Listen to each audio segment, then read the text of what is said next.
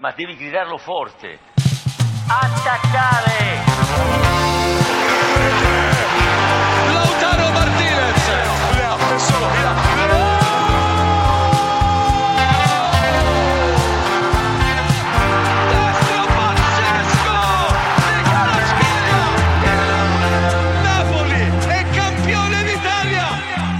Het is maandagavond 27 november 2023 en wij, Vincent Ruben Coppola, Wesley Victor Mak en ikzelf Willem Adriaan Haak, zitten er weer klaar voor. Nieuw feature, tweede namen. Ja, eh, onszelf toch een beetje kenbaar maken aan de luisteraars. Iedereen komt in mijn eh, straatje. Ja, ze mogen alles van ons weten, zo ook onze tweede namen. Ehm, en we zitten er weer klaar voor. Klaar voor een eh, nieuwe terugblik. Eh, een terugblik op de afgelopen Serie A-maand. Eh, dat is dit keer de maand eh, november. Best wel wat gebeurd. Niet fantastisch veel, maar wel wat leuke dingen, toch? Ja, kijk, jij, kijk, jij, Ja. kijk jij wel uit naar één ding, Wes? Nou, ik kijk wel uit straks naar één ding. Maar Ja. goed, dat komt wel pas later natuurlijk in de aflevering. Want we moeten niet gelijk al ons kruid verschieten. Dat is zo. Maar ja, een van de meest positieve dingen in ieder geval... laten we dan daar beginnen, is... zeg maar voetbalbreed in Italië... is natuurlijk dat Italië naar het EK gaat. Absoluut. En dat is... Pak eh, van ons hart, hè? Een Ja, groot pak een van ons hart. Want eh, het was weer moeilijk, hè? Twee jaar geleden ging het eh, hopelijk mis. Hopeloos mis. Hopeloos mis. tegen, hopelijk ging het dit keer niet mis. Nee, het ging dit keer niet mis. Hopeloos mis tegen Noord-Macedonië. Ja, het is wel grappig, want dit is onze tweede opname. en zo net zei ik het ook eh, verkeerd. Eh zit toch een eh, beetje verkeerd in mijn hoofd. Twee jaar geleden ging het hopeloos mis tegen Noord-Macedonië. In Palermo, toen in de play-off met 0-1 verloren. Het was gelijk klaar. Dit keer wilde Italië de play-offs voorkomen. Het was lastig, want best wel wat punten verspeeld al in de kwalificatie. Zodoende moesten ze vrijdagavond winnen van hetzelfde Noord-Macedonië weer. Dat deden ze met 5-2. Waardoor de druk eh, van het duel met Oekraïne af was van de maandag.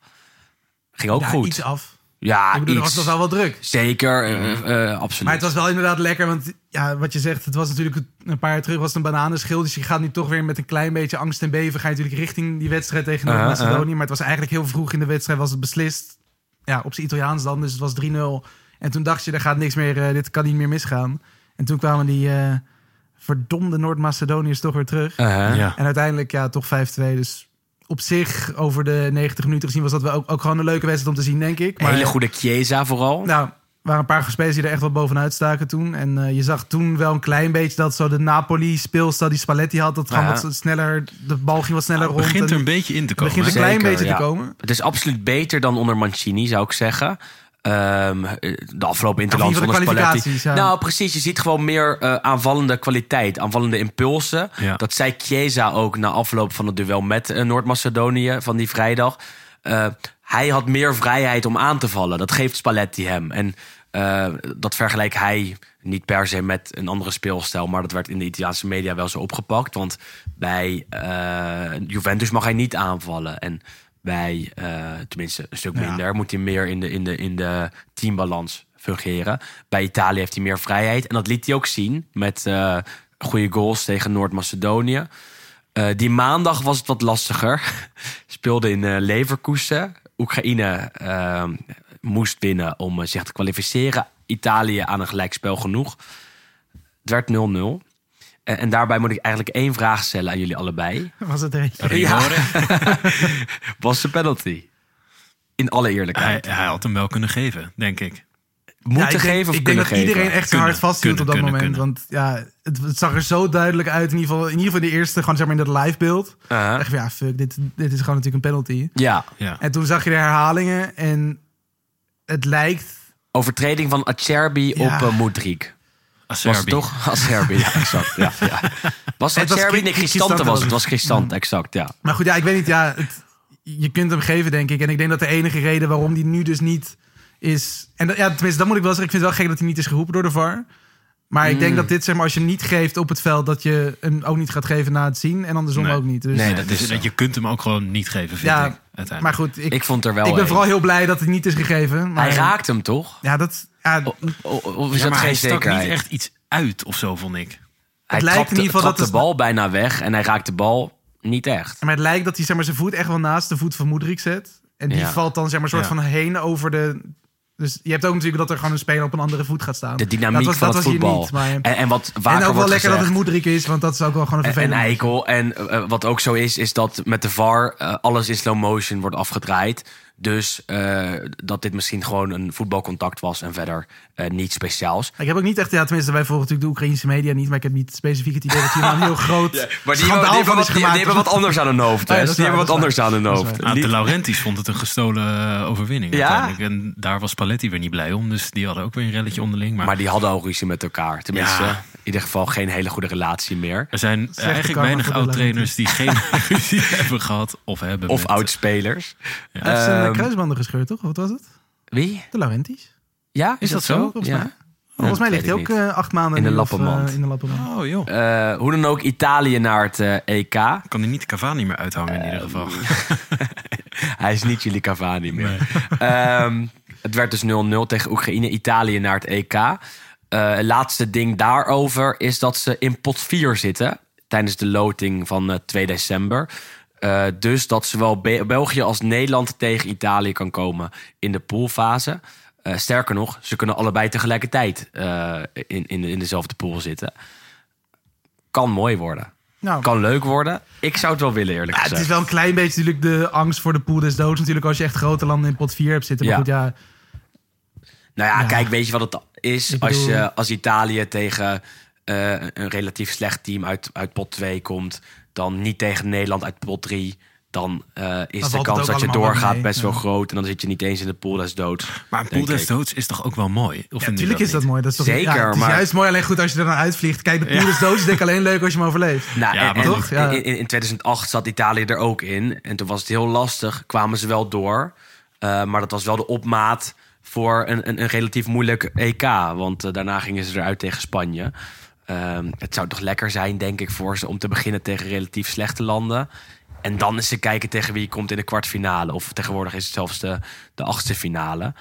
Ehm, ze gaan dus naar het, eh, naar het EK. Dat is goed nieuws. Ehm, hier had ik ook nog even staan dat ik wilde benoemen dat Frans Timmermans. Timmermans Ja, laten we nog even politiek eh, Nee, bijhalen. laten we dat gewoon eh, laten we dat niet doen. Eh, we gaan gewoon starten met eh, de terugblik op de afgelopen Serie A. Voor duidelijkheid, hij had het clublied van Ja, je moet nu even iets zeggen er Ja, toch? ja, Ja. ja, maar dan, dan hebben we het er weer daarover. En ik heb afgelopen maand twee keer wat over politiek getweet. En toen kreeg ik allemaal bots en, en rare mensen in mijn eh mentions. Eh eerste keer over Immobile bij eh, eh, een soort transgender show. Ja. Oh, ja. Eh, tweede keer was eh, Frans Timmermans, die het clublied van de Roma Hoe durf zong bij Bo. Toch? Ja. Hoe durf ik? En niks erbij ook überhaupt. En opeens allemaal reacties van ja, heel veel mensen die... Exposure is goed, hè? Of niet? ook negatieve exposure. Dit was zo. Oké, we moeten het wel zeggen. Het was wel grappig. Want eh, hebben het er toch over. Ik was, ja, ik was op, op teamuitje met mijn werk, met mijn nieuwe werk. En eh, dat was op de dinsdagavond. Toen eh, ik even naar de wc en ik open mijn telefoon. eh stuurt Vincent me een, eh, een filmpje van Frans Timmermans bij Bo. Dus ik denk, ja, waarom stuur jij mij een filmpje van Frans Timmermans bij Bo? Dus ik toch maar eventjes eh, het, het hokje ingegaan. Of tenminste, nou, Even ervoor gaan zitten. even ervoor gaan zitten. Even dat filmpje gekeken. En dat bleek toen inderdaad Timmermans bij Bo te zijn met dat clublied. En dat vond ik erg mooi. Dus ehm, eh, nog even over nagedacht. Toen de volgende morgen werd ik wakker. eh, enigszins brak, want er werd gedronken met het teamuitje. Ehm, een filmpje maar gedeeld. Ehm, en dat is toen best wel veel opgepakt. Ook door Italianen en weet ik Ja, wat het stond allemaal. inderdaad op Calcio Mercato. Ja, eh, 320.000 keer bekeken. Nou ja, Nou ja. dus Jouw tweet. Ja. Filmpje of het, Ja, eh, dat filmpje ja. wordt dan gedeeld door Roma-websites en Oh, zo. ja. Dus wat je zegt, negatieve exposure is ook exposure. Maar hier blijf ik voortaan wel vandaan. Het hoeft ook niet meer. Door naar eh, de Serie A.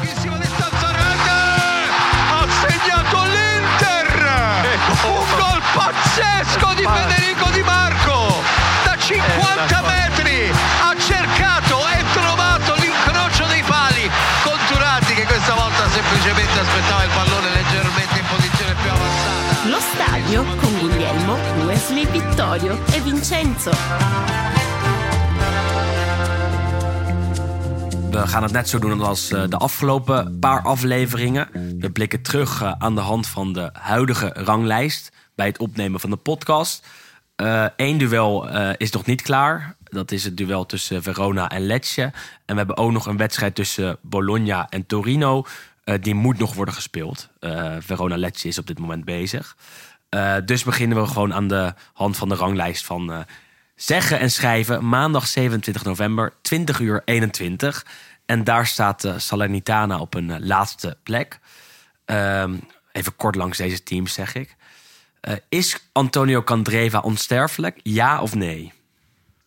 Ja, tuurlijk. Toch? Ja. Wat een koning. Ja. Ja, je bent, wel- kijk, elk, elk seizoen maakt hij gewoon ja, wel één of twee werelddoelpunten. Ja, gewoon. ja. En, ja. dit is toen al twee Ja, minstens. maar ik kan oprecht geen, niet zeg maar, de laatste goal van een Candreva herinneren die niet mooi was. Nee. Bizar, hè? Maar, ehm, eh, zo net zijn we het vergeten te benoemen door mij. Ehm, hij heeft wat weg van Quagliarella. En die is eh, eh, sinds afgelopen weekend officieel gestopt. Eh, is Candreva dan op enige manier de opvolger van Quagliarella in ons hoofd? Van eh, de, de, de man die alleen maar mooie goals maakt. Ja, in die zin wel een beetje, denk ik. Natuurlijk qua positie en carrière niet echt te vergelijken. Nee, maar nee. ik denk wel inderdaad bij uitstek dat dat wel twee spelers zijn. Ook gewoon als je dan denkt aan echt Italiaanse spelers... die hun hele leven in de Serie A hebben gespeeld. Mhm, En nu natuurlijk gewoon nog steeds op behoorlijk rijpe leeftijd eh, actief zijn. Ik, ik, ja, van Quagliarella herinner je ook alleen maar die wereldgoals. Die hakjes vanuit Ja, ja, ja, ja. alle hoeken en standen. De En- Centravanti Highlights werd hij genoemd in de Gazzetta. Ja, Ja. dat vond ik een hele mooie bijnaam. Eh, want toen eh, kwam er ook een filmpje langs op mijn Twitter... met heel veel goals van eh Kwak. Ja, zoveel mooie goals. Bij Ja, Torino, heel veel bij mooie goals gehad, eh, Ja. mooie clubs ja, gehad. ja, ja. En, en ja, Maar Candreva heel- toch ook wel? Lazio, Inter... ehm, dat is het. Uh, Juve, Juve heeft hij gezeten Ja, natuurlijk. oké, maar dat was echt een blauwe maand. Ja. Hetzelfde natuurlijk een beetje met... eh, Ja. met ja, goed, kijk, ja. Ik, eh, het is denk ik vooral gewoon fijn dat dit soort spelers nog steeds op zo'n leef- leeftijd in Italië kunnen spelen. Absoluut. Nog kunnen uitblinken, nog kunnen schitteren. En dat we nu gewoon nog steeds over mannen van 40 jaar... een soort Mooi, van hè? nostalgische geniet er verhalen en erg filmpjes van. en dingen kunnen doen. En, ja, kijk, 36 is hij op en dit goed, en moment. Quagliarella is natuurlijk echt een legende van het Italiaanse voetbal. Het is echt eentje, denk ik, voor in het rijtje met, met die Natale. Weet je, gewoon iemand die Precies. ver na zijn dertigste eigenlijk dan pas een beetje openbloeit. Ja. En, en ja, dat zijn natuurlijk eigenlijk de mooiste, de mooiste spelers en de mooiste verhalen vooral. Nee, dus uiteindelijk gaat Candreva eerder worden vergeten dan Quagliarella. Daar komt het op neer. Mm, ja, ik denk het wel. Maar hij is wel onsterfelijk. Hij is wel onsterfelijk. Ja, zeker. Ja, het is ook gewoon, het is ook gewoon een mooie man, weet je Ja, wel. ja, ja, ja, zeker. Hij Goeie schoot hem er lekker in. kaaklijn. Hij schoot hem er lekker in tegen Lazio. Absoluut. Maar het, het doelpunt deed me een beetje denken aan... eh, kunnen jullie nog die goal van eh Forlan tegen Nederland herinneren? Ja, zeker. In eh, 2010. Die Halve bal zwabberde alle kanten Uh-huh, op. ja. En dan ging uiteindelijk gewoon recht door het midden. Absoluut. Hij Daar leek, leek het zeker op. De keeper Provedel van Lazio kon er niks aan doen. Eh, ondanks dat en ondanks de zegen op, eh, op Lazio staat eh, Salernitana gewoon nog steeds op een, op een laatste plek met acht punten. Ze stevenen daar wel, wel zeker af op degradatie. Hetzelfde geldt een beetje voor Verona op plek 19. Die wonnen voor het laatst op eh, 26 augustus. Toen met 2-1 van Roma. Sindsdien niets meer. De nieuwe trainer, Baroni, neemt het vanavond op tegen Lecce, een oude ploeg. Kan het niet lijmen. Eh, is Verona voor jou een zekere degradant, Wes? Nou, op deze manier wel. Wat, wat we eigenlijk nu net zeggen bij Salernitana, die hebben natuurlijk de trainerswissel al gehad. Ja. Eh, die hebben Sousa vervangen door, eh door Pipo Inzaghi. En sindsdien wel wat punten gepakt. Ja. Niet veel, maar goed, je- daar worden in ieder geval punten gepakt. Want wat je zegt, sinds eind augustus, wat is het, elf wedstrijden nu niet gewonnen bij Verona. Ja, dat is natuurlijk best wel, nou ja, niet specifiek een rapport om mee thuis te komen. En zeker natuurlijk als, ja, Baroni vorig seizoen deed heel goed bij Lecce eigenlijk. Was toen als gedoodverfde degradant eigenlijk, bleven ze er toen heel knap in. Ehm, dus ik kan me heel goed voorstellen dat ze bij Verona ook iets meer verwachting hadden van die aanstelling. Absoluut. Ehm, Vorig jaar, dat filmpje, dat ken- kennen we allemaal nog. Dat, ja, die, dat hij niet durfde eh, te kijken toen voor, precies. de, voor die penalty. Bij de Ja. penalty tegen, tegen Monza. Toen scoorde, ik dacht Colombo, Ja. die penalty. Eh, dat was prachtig. En, en dan maak je als trainer een stap. Dan ga je bij Lecce weg. Weet niet zeker of je daar had kunnen blijven. Eh, maak je toch een stap naar Verona. Waar best wel wat trainers in zijn gestapt. Die bij hun club hadden kunnen blijven en het daar oké deden. Ik eh, eh, kan me Cioffi nog herinneren van Udinese. Dan kom je daar terecht bij Verona. En daar is toch vaak weinig van te maken. Ehm, en dan, dan, dan, dan is het toch geen echte stap hogerop. Ondanks dat er een oké selectie staat en, en wel iets budget. Ehm, wie wordt zijn opvolger? Ja, goed, hij is nog niet ontslagen. Maar goed, dit is natuurlijk wel weer ja, het... ja, ja, eh, ja. Kwestie van tijd. Ja, ze, zijn aan het verliezen van Lecce op dit moment. Het is de Rolodex, toch? Ja. Ja. standaard namen zullen natuurlijk wel weer naar voren komen. Ik zet ja. mijn geld op. Ik zat vanochtend toen we... Ik was even het verhaaltje aan het schrijven, een beetje vooruitblik. Ik zat gelijk te denken aan die Rolando Maran. Ja, Die heb je al weer voor denk ik, ja. twee seizoenen niet gezien. Die zat toen bij Cagliari onder andere. Dat is wel weer zo'n type die dan... ik heb echt een hele andere naam in gedachten. Davide Ballardini. hij gaat het doen. Hij gaat het doen. Hij de- stapt erin. de zonnebril op terug. En hij gaat eh, Verona eh, handhaven. Ja, het zou Hij gaat zijn. Verona naar een plek eh, nummer 16 in de Serie A. Wat doet denk ik. Nicola? Is die nog... eh, Oeh, dat is- kan die- ook die is nog. vrij. Ja, ja, ja, ja. Die heeft Ja. toen met Salernitana gedaan natuurlijk. Ja.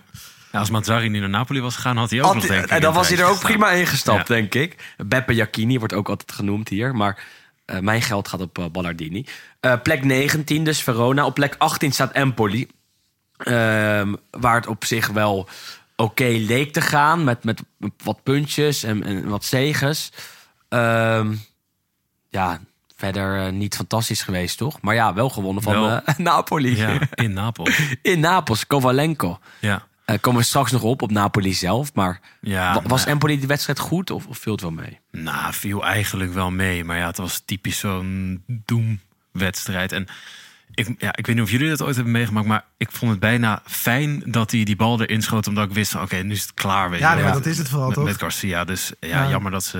Nou, ja, maar we hebben het nu over Empoli. Eh, Op zich hartstikke knap dat ze eh, winnen in Napels. is ook wel vaker... eh, eh, ja. Twee jaar terug, Coutrone toch? Ja, ja. wel een angstkekener, ja, zeker. Klopt. Napoli heeft al een aantal uitgeleiders tegen Empoli gemaakt. Maar ja, voor de rest hebben ze niet een hele indrukwekkende maand gehad. Nee, ik zeg- resultaten niet, maar ik denk wel dat er, zeg maar, in vergelijking met Verona zit in die selectie van Empoli wel Ja, veel meer kwaliteit. Dus met absoluut. die Caputo, met die Kovalenko die er twee maakte afgelopen maand. Baldanzi, al is die nu geblesseerd. En er is nu afgelopen weekend ook weer een soort nieuw talent opgedoken. Nou, talent van 21 jaar.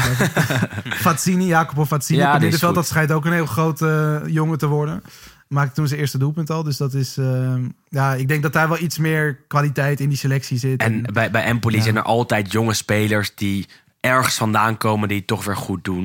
Uh, Kambiagi is ook best een fijne speler. Dus er zit iets meer eh, leven in die selectie dan, eh, dan bij die twee ploegen die we net noemen. Dan bij Verona en ook dan bij eh, Salernitana. Ehm, leven op de bank en leven in de selectie zit er ook zeker bij Quagliarella. Zijn oude trainer Ranieri. Het is een mooie zee. Eh, goed hè? Eh, namelijk eh, bij Cagliari. Eh, die staan op plek eh, 17. Eh, pakken wat puntjes af en toe. Maar echt geweldig is het nog steeds niet. Ehm, ja, wat kunnen we hierover zeggen, eh, Wes? De late ontsnappingen. Ja, Want we hebben zeker. natuurlijk vorige, het stond volgens mij zelfs in de titel van de vorige aflevering, de, de remontada van Ranieri. Toen Mooiste wedstrijd van het eh, seizoen tot ja, nu toe. Dat absoluut. Eh, natuurlijk in de allerlaatste seconde van, eh, wat was het, 3-2 achter naar 4-3 winnen. Mhm. Ja. Ehm, ja, dat was toen fenomenaal. Eigenlijk, ze hebben dat kunstje nou een klein beetje herhaald eh, in de beker. Toen stonden ze tegen, was het Genoa geloof ik? Ehm, moet je even de... eh, Ja, was pak ik Genoa er eventjes bij. Ja, Genoa? zeker. Tegen eh Udinese was het. Ah, tegen Udinese. Ja. Maar goed, toen was het ook verlengen. En uiteindelijk in de 121ste minuut geloof ik Mhm. werd die Lapadula, die Peruaanse eh, Italiaan. die werd er toen ook na jarenlang, jarenlang blessureleed. Lang blessureleed weer ingegooid. En die maakte toen ook in de allerlaatste seconde de winnende. Zij bespitsen daar bij, eh Ja, het is echt- bij Cagliari. Dat is ongelooflijk. Want daar zit Pavoletti. Daar zit Lapadula. Shomurodov. Petagna. Het zijn wel allemaal bombers die provincia. Voor- Vooral Petagna, Pavoletti en Lapadula. Als je die drie, alle drie tegelijkertijd opstelt... dan heb je drie bulldozers in de Ja, spits. terwijl degene die het eigenlijk het beste doet, is eh Luvumbo. Ja, zeker. Ja, dat is best een leuk spelertje. Ja. Eh, die, die gaan we volgend jaar zeker zien bij eh, een Verona of iets dergelijks. Eh, hoe dan ook blijft eh, Cagliari een enorme degradatiekandidaat. Nummer 16, Udinese, is dat ook. Eh, werden dus uitgeschakeld in de beker in de Coppa Italia door Cagliari. Ehm, en sindsdien rolt het balletje wel een beetje. Want eh, ze hadden in de Serie A nog niet gewonnen... tot ze eh, in San Siro tegen Milan aantraden. Toen was ik ook bij Ziggo Sport en de commentator van dienst, Richard van Iterson, zei tegen me: Let maar op, Milan gaat hier punten verspelen. Sterker nog, ik denk dat ze gaan verliezen. Dus ik die tweede helft in de trein terug met veel interesse gekeken. En inderdaad, Udinese wist voor het eerst dit seizoen te winnen in, eh, in San Siro. Dus 0-1 door een penalty van Pereira. Ehm, dan denk je, dan gaat het lopen. Maar dat is nog niet helemaal het geval. Hè? We hebben wel eh, twee keer gelijk gespeeld. Tenminste, één keer eh, vriendschappelijk tegen Istra en één keer tegen Atalanta. een 1-1. Verloren van Roma. Ja, Lastige maand. na winst in San Siro telkens een trapje naar beneden eigenlijk weer. Ja, ja. Maar goed, ja, ook wel goede teams natuurlijk waar ze tegen speelden. Vooral het resultaat Siro is denk ik iets om wel aan vast te klampen. Precies. En, en ja, Maar op basis van het spel, ja, ook niet heel, eh, heel veel. ook daar is het niet fantastisch. Ik wil zeggen dat we snel doorgaan naar de volgende. ja, Laten we wel niet te lang blijven hangen. Ik, Nee, ik zei het vorige keer ook al. We, eh, we hebben gewoon te veel teams in de Serie A. En met, met 20. We moeten naar 18, want te veel teams hebben geen kwaliteit. Bij Genoa zit er wel zeker kwaliteit. Niet alleen in de spits met de Retegui. Ook op het middenveld met de Malinowski. Eh, en daar zie je ook dat er, dat er wel wat gebeurt, toch? Op het veld als zij, als zij er staan. ja, Ja, nee, goed. Goodmonson was vorige maand. Was die vorige maand? De Ja, speler van zeker, maand? Ja, goed, die, heeft, ja. die trok die lijn de- dit, deze november op zich ook best wel door zijn contract verlengd Absoluut. intussen. Eh, maar goed, Gek best dat hij zijn contract verlengt. Want hij kan juist een transfer maken, zou ik ja, ik zeggen. weet niet hoe lang hij nog vast... Nee, eh, misschien wel afspraken gemaakt. Ja, dat misschien- als er een team komt met een bot, dat hij dat die weg ja, ik weet niet of het kan best als zijn contract afliep binnenkort. En goed, en als je dan zo'n goed seizoen speelt, Ja. is het ook lullig als je nog maar een eenjarig contract hebt en je verdient er bijna niks aan. als, eh, Nee, club dat is zo. Ehm, Eh, en Malinowski, ja, dus, ja, ja, dat is nog steeds natuurlijk een fijne speler. is een favoriet van het podcast, zou ik Ja. zeggen. Ja. Eh, lang bij Atalanta gezeten. Goeie trap. Eh, tegen Juve een keer de, Ja, de altijd. winnende Die scoort gemaakt. altijd Eigenlijk altijd. Ja, ja, dus eh, voor, voor, eh, voor de weddenschap straks bij eh, Genoa tegen Juve. Ja. Dan, eh, dan schrijven we Malinowski op. Nummer 14, Letje. Zo net dus al even besproken bij het eh, kopje van Verona. Letje eh, was in september kortstondig de stuntploeg van het seizoen. Zijn ze dat nog steeds? Ja, sindsdien, sindsdien niet meer gewonnen. Dus ik zou zeggen van niet. De Ja, vraag stellen is een beantwoorden, moet er wel ik. natuurlijk een klein beetje bij worden gezegd dat zij wel bij VAR denk ik het moeilijkste schema hebben gehad sinds die goede start. Aha, Want ja. die hebben bijna alle topploegen, wat is het, Milan, Roma, Napoli, Juve allemaal gehad. Mhm. Ehm, en daarin ook wel een paar keer dat het zo echt net even tegen zat. Tegen Roma toen Lukaku in de allerlaatste minuut Ja. nog de winnende. Ehm, ja, ze wonnen eigenlijk van Milan. Mhm, Maar Ja. toen werd die goal afgekeurd Ja. omdat er iemand boos keek naar een andere echt speler. zwaar onterecht. ja, Piccoli Ja. stond op de teen van Chal, dacht ik. Ja. In ieder geval van een Milan-verdediger. Draait zich om, neemt de bal aan en hij racht hem in, eh, in de hoek. Vanaf een meter 25 zou ik zeggen. Wordt gek, rent naar de, eh, niet naar de harde kern, maar naar de, de, de andere zijde van het uh, Letje stadion. En juicht met de fans. Ehm, twee minuten later wordt de scheidsrechter naar het scherm geroepen, afgekeurd vanwege. van. Ja, omdat iemand even op de teen stond, dus Ja. omdat Piccoli dat deed. Ehm, toch pijnlijk. En Piccoli heeft er wel een handje van om heel vaak laat te scoren. Die heeft geloof ik in de, zowel in de 91, 92, 93, 94 als 95 minuut gescoord. Ehm, en nu tegen Milan werd het dus, eh, dus afgekeurd. Aan de andere kant, wel knap als je terugkomt van een 0-2 achterstand tegen de Rossoneri. Dus je kan het ook positief eh, insteken. En met de 14e plek doen ze het eh, zeker niet slecht. Nee. Ja, voor Letje gewoon een hartstikke goede Ja. plek om te staan. Maar ja, het is gewoon zonde. Zeker eh, als je het gevoel hebt die wedstrijd te winnen. Ja, ja. En, maar, maar goed, 2-2 daar en een Letje op plek, eh, op plek 14. Plek 13 Sassuolo. Zeg het maar, Wes.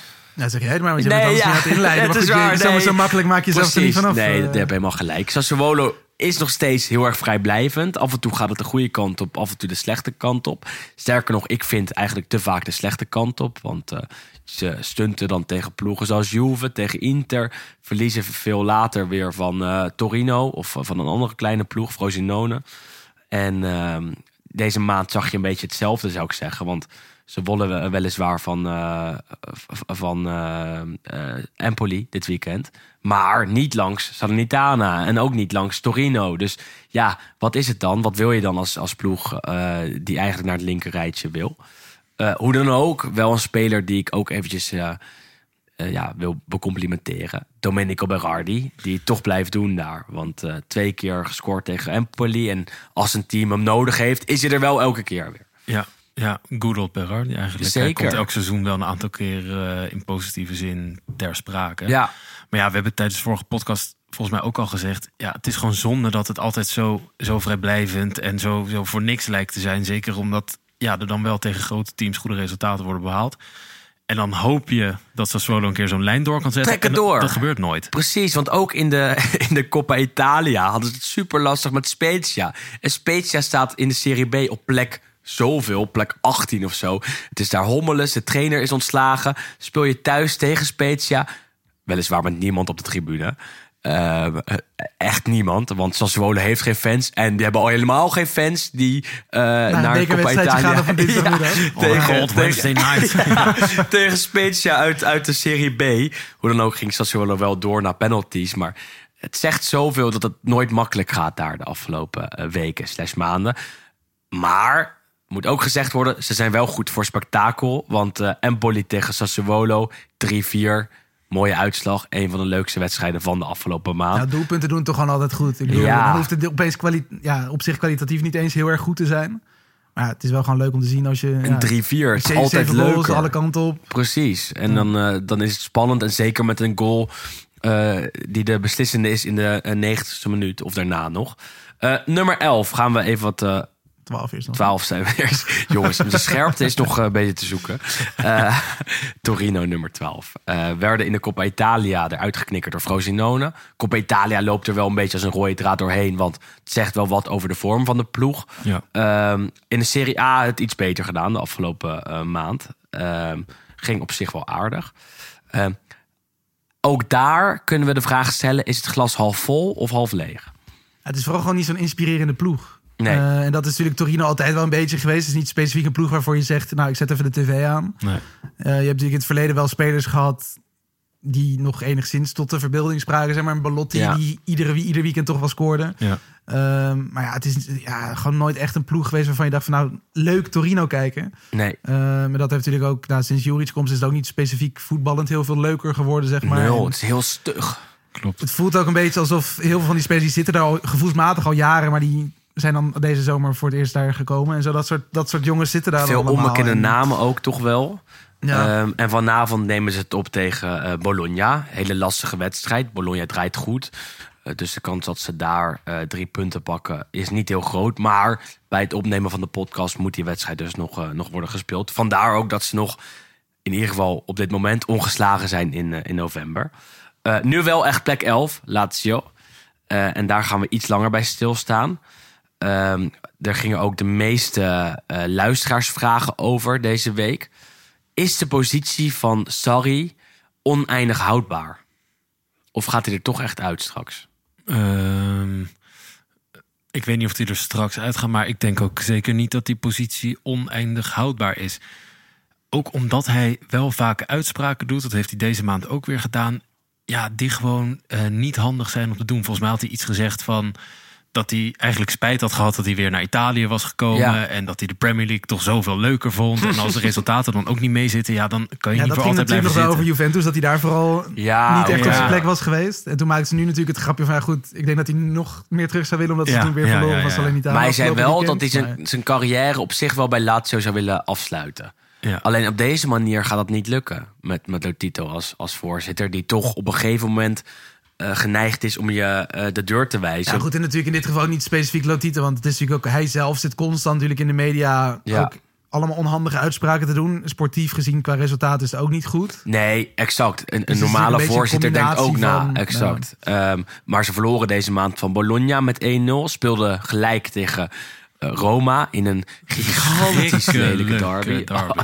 Het was ook veel te vriendelijk. Ja, Was er er- gebeurde niks. Nee, ja, normaal En- gesproken is er nog vechten en een rode kaart hier en een doodschop daar. En Nou, wel fans mooie banter op de socials. Ja, zeker. Met, met, met de sfeeractie van, van Roma, die wat later ontvouwd werd dan die van Lazio. Hadden ze een mooie drone-video van met eh, een, een shot van de, van, van de harde kern van Roma met het Josty Band muziekje eronder. ja, ik vond het eerlijk gezegd wel geestig. Ik, ik hou wel van die, van die banter rondom die derby, want ik wilde ook het grapje zelf al maken dat Lazio dus wel Ibanez nodig heeft om die derby ja, de ja, ja, ja. Capitale te winnen. Ibanez vertrok afgelopen zomer eh, van Roma naar eh, de Zandbak.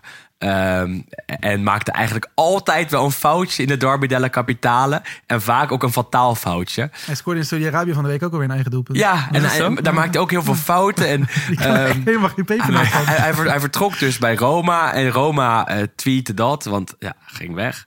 En eh Lazio tweette eh, daarop als reactie een, eh, een emoticon met een, eh, een een traantje. traantje. Ja, ja, ja, mooi, hè? ja, ja, ik, ik vind dat wel geestig eerlijk gezegd. Dat mag van mij wel. En dat soort dingen zie je niet zo vaak in Nederland eerlijk gezegd. Nee, dat maakt nee, toch wel nee, nee. het Italiaanse voetbal leuker. Ehm, maar eh, als ik de vraag kort stel, even kort aan jullie allebei. Haalt Sarri het einde van het seizoen, ja of nee? Ehm, ja, denk, denk dat wel. Ja? Ja. Jij? Ja, ik denk het toch ook wel. Ik denk het ook, maar dat ze straks op een plek eh, eindigen die niet tot eh, tevredenheid stelt. Ja, Maar- ik, neem, ik, kijk, ja. ik, ik kan me wel voorstellen dat ze gewoon heel vroeg nu gaan aankondigen dat hij weggaat na het eind van het seizoen. Dat je in ieder geval als fan soort van bent gerustgesteld dat het niet nog langer doorgaat. Nee, dat is zo. Ik vrees dan wel, zeg maar, want dat zie je natuurlijk ook wel vaker, dat als inderdaad een trainer of een club of een di- directeur of president Zoiets, op een ja. gegeven moment zo aankondigt van nou goed, dit wordt het, mijn laatste seizoen hier. Dan stort het kaarthuis vaak nog verder. Absoluut. in. Dus Ja. Ja. ik ben, ja, voor onze voorspellingen is dat misschien dan juist slecht. Maar dat ze straks twaalfde worden of zo. Nou. Wat vorig jaar echt goed was. Hè? Zeker eh, tussen de, de, de, de kwart en driekwart van het seizoen in... waren ze echt heel sterk en eh pakten ze gigantisch veel punten. En dan eindig je niet voor niets in de top vier... ehm, met eh, een tweede hele goede verdediging. En ga je naar de Champions League. Dit jaar is die Champions League kwalificatie hartstikke ver weg. Hebben we ook Lazio even behandeld. Is het tijd voor een klein intermezzo? Want we gaan naar eh, de speler van de maandverkiezing van de maand november. Il giocatore del mese. Want ook deze maand hebben we weer een eh, speler van de maand. Afgelopen keer was dat, eh, zoals gezegd, Albert Goedmondsson van eh, Genoa. Die was eh, die maand fantastisch. Deze keer, kan ik wel zeggen, hadden we iets meer moeite om eh, de speler van de maand aan te wijzen, denk ik. Toch, Vin? Ja, ehm, vaak hebben we natuurlijk wel één of meerdere spelers die er echt bovenuit springen. Ja. Dat was deze maand wat minder het geval. Zelfs na de opta-analyses die Wes eh, speciaal voor ons heeft laten draaien... Absoluut. kwamen we er ook nog niet helemaal uit. De spelers die goed waren geweest op de basis van de statistieken... waren veelal wisselspelers of waren het ook niet echt opgevallen. Dus hebben we het maar op gut feeling gedaan. Toen zijn we alle drie maar een beetje gaan lobbyen en gaan kijken ja, wie de meeste dekking had over ons alle drie. we hebben gestemd. We hebben gestemd. Er kwamen een paar, eh, paar namen langs. Uiteindelijk, na eh, lang conclaaf, kan ik wel zeggen dat eh, we eruit zijn gekomen. Dat we een eh, coalitie hebben gevormd. Ja. Ehm, want eh, niemand minder dan Lautaro Martinez van Inter. Met gedoogsteun van Wes. Ja, Met gedoogsteun van best. Ondanks zijn goal tegen Juve ja. is Lautaro Martinez speler van de maand november geworden. ja, het viel gewoon allemaal een beetje tegen eigenlijk. Ja, En- en daar komt het op neer. Ik denk dat er voor een stuk of tien spelers kun je wel een punt maken, maar wel gewoon een heel zwak punt. En ja, goed, Lautaro scoorde tegen, ja, in de derby d'Italia, knap. Scoorde de winnende, de enige tegen Salzburg in de Champions League, knap. Scoorde tegen Atalanta, een Ja. wereldgoal. Nou goed, dus dan krijg je hem al, hè. En ehm, Zo makkelijk is het. Zo, makkelijk, is het. Nou ja, eh, zo makkelijk. Scoren drie topwedstrijden en eh, het is gewoon gelukt. Zo makkelijk zijn wij. We hebben helemaal geen formateur of een verkenner nodig. Ehm, wat ik wel moet zeggen over Lautaro Martinez... is dat je ook deze maand weer zag... en misschien zelfs meer deze maand dan de afgelopen keren... dat hij de stap naar de wereldtop heeft gezet. Ja, zeker. Zeker hoor. Hij is echt zo volwassen. En dat zag je eh, tegen Salzburg. Want eh, Inter had het lastig in eh, Oostenrijk. Hij kwam erin en hij bracht echt heel veel kwaliteit. Dat zag je met een bepaalde aanname waarbij er een hoge bal wordt gegeven. Hij neemt hem aan. Oké, hij racht hem naast, maar eh, daar zag je de klasse vanaf. Hij neemt die penalty, die hij tegenwoordig wel enigszins kan nemen. Vorig jaar nog niet. En eh, dat zag je ook tegen Juve gisteren. Want hij krijgt eigenlijk maar één serieuze kans. Eh, en die is wel gelijk raak. Over die wedstrijd komen we straks tot te spreken. Waardoor ik denk dat Lautaro echt een wereldtopper is. En dat zie je ook aan de cijfers. Want 13 eh, duels gespeeld in de Serie A. 13 doelpunten. Ja, ja, ja. Ja, en gewoon ontzettend stabiel. Ja, absoluut. Wat maakt hem nou zo goed, vind jij? Ehm, dat hij meer kan dan alleen scoren. Dus ook, dat zag je dus ook tegen Juventus, dat hij zich kan laten uitzakken, dat hij de techniek heeft om zichzelf vrij te spelen, dat hij eh, een paas kan versturen, dat hij zowel de eerste spits kan zijn als de tweede spits, dus zowel de afmaker als die 9,5. En dat maakt ehm, niet alleen hem, maar ook Marcus Thuram heel gevaarlijk. Die wisselen zo eh, heel erg met elkaar af. Eh, dus ik denk dat die kwaliteit, dat- je zowel een 9 als een 10 kan zijn, je tot een hele goede, complete spits maakt. Eh, maar ik heb wel vaker gezegd dat hij, en dat is misschien gek om te zeggen op dit moment, dat hij nog wat dodelijker zou mogen zijn, wat mij betreft. Want ik kom net op die, die, die aanname tegen Salzburg. Die bal moet er ook in. Het was echt een hele grote kans. Ehm, en ik zeg het vaker op zulke soort momenten. Icardi had hem gemaakt. ja, ja, ja, je moet hem met Icardi vergelijken op, op, op een bepaalde manier, vind ik. Of met Ja. Lukaku. En Lukaku had hem niet per se gemaakt, Icardi wel. Nee, nee. Ehm, en wat denk jij? Potentie om het eh, record van Immobile en Higuain nee, te dat denk ik niet. Nee, ik denk dat dat, eh, dat eh, Lautaro altijd eh, een dip heeft in een seizoen. En dat heeft Immobile toen niet gehad. Ja, en je zei het net al een beetje, zeg maar, die andere twee waren echt eh, ja, de spits van, van hun respectievelijke elftallen. En Hij deelt het met Touran, het, ja. maar hij is wel de afmaker. ja, Dus ik zeg wel dat hij allebei, allebei die, die rollen kan spelen. Maar uiteindelijk is hij toch wel vooral de negen bij Inter. En dat zie je ook aan die doelpuntenproductie. Eh, en dat zie je ook eh, aan, aan al die cijfers in de Champions League. Of, of die overigens ook beter kunnen. Hè? Eh, maar ja, zodoende. Lautaro Martinez, eh, Player of the Month, november. wel verdiend. Moeten we nog, nog wat andere namen noemen wel? Ehm, Elmas bijvoorbeeld. ja, goed, kijk, dus... In, nee, maar ja. Ozyman. Nee hoor. Nee, ja. Ja, andere namen. Nee, ja, Ja, eh, hebben nog over Çalhanoğlu Wat, ik zeg, zijn er nog een paar ik. spelers die ook gewoon nog steeds goed waren. En Çalhanoğlu is gewoon, speelt een heel goed seizoen. heel erg, ja. Bij Frosinone heb je natuurlijk Soule hebben we vorige maand ook besproken. Ja. Doet het gewoon goed. Eh, Wie is de beste speler van de Serie A op dit moment? Dit seizoen? Is dat dan Lautaro? Komen we daarom op hem ja, terecht deze wel. maand? Ja, ik denk dat ik sowieso, je gaat ja. automatisch ga je naar de koploper toe. Ja. En ja, goed, dan natuurlijk inderdaad ja, ook nog eens zoveel doelpunten. Lautaro of Çalhanoğlu zou ik zeggen. Een van die twee. En daarom komen we als, als achter de hand opties bij die twee namen terecht. Nou, En vooral bij, eh, bij Lautaro. Ja. Lautaro, eh, de prijs is van jou. Gefeliciteerd. Gefeliciteerd. Zijn we weer terug bij eh, de terugblik op eh, de Serie A-teams. Op de maanden van die Serie A-teams. Want op eh, plek 10 bij het opnemen van deze podcast staat Frosinone. Frosinone heeft een aantal leuke, interessante spelers. Waarvan oud-Juventino Soule nummer 1 is, zou ik zeggen. ja. Of, hij eh, is of gehuurd, iemand dus anders. gelukkig nog niet oud hoeven te Nee, maar, precies. eh, Ja, oké, voor dit seizoen, voor eventjes voor dit seizoen heel Ja. even oud. Nou ja, goed, hij is eh, duidelijk wel de smaakmaker. Vorig seizoen was hij goed. Nu scoorde hij weer eh, een paar goals. Je hebt op het middenveld Barrenetjer, ook van Juventus, speelde Zeker. ook goed. Ibrahimovic weekend- in de aanval. ja, die was leuk. Eh, die wordt dan ook gehuurd van Bayern. Dus het is Ja. echt wel een beetje een soort huurlingenlegioen. En Reinier is ook leuk, wordt ook Reinier van gehuurd. Real Madrid wordt ook ja. gehuurd. Nou, het is echt een, ja, ik denk leuk voor in ieder geval dit seizoen. Alleen, ik heb dan toch altijd wel een beetje de vraag van hoe houdbaar zijn dit soort praktijken. Je ziet natuurlijk regelmatig dat juist of ja, gedoodverfde degradanten, of ja, in dit geval dus promovendi ook. eh, een paar jaar geleden waren dat dus zeg maar die dan de ex-spelers die dan ooit op een blauwe maandag bij Tottenham Nou, Hotspur absoluut. hebben gespeeld. Dan kreeg je de Bakary Sanja's Ja. en, de, en de, wie hebben we nog meer allemaal gehad.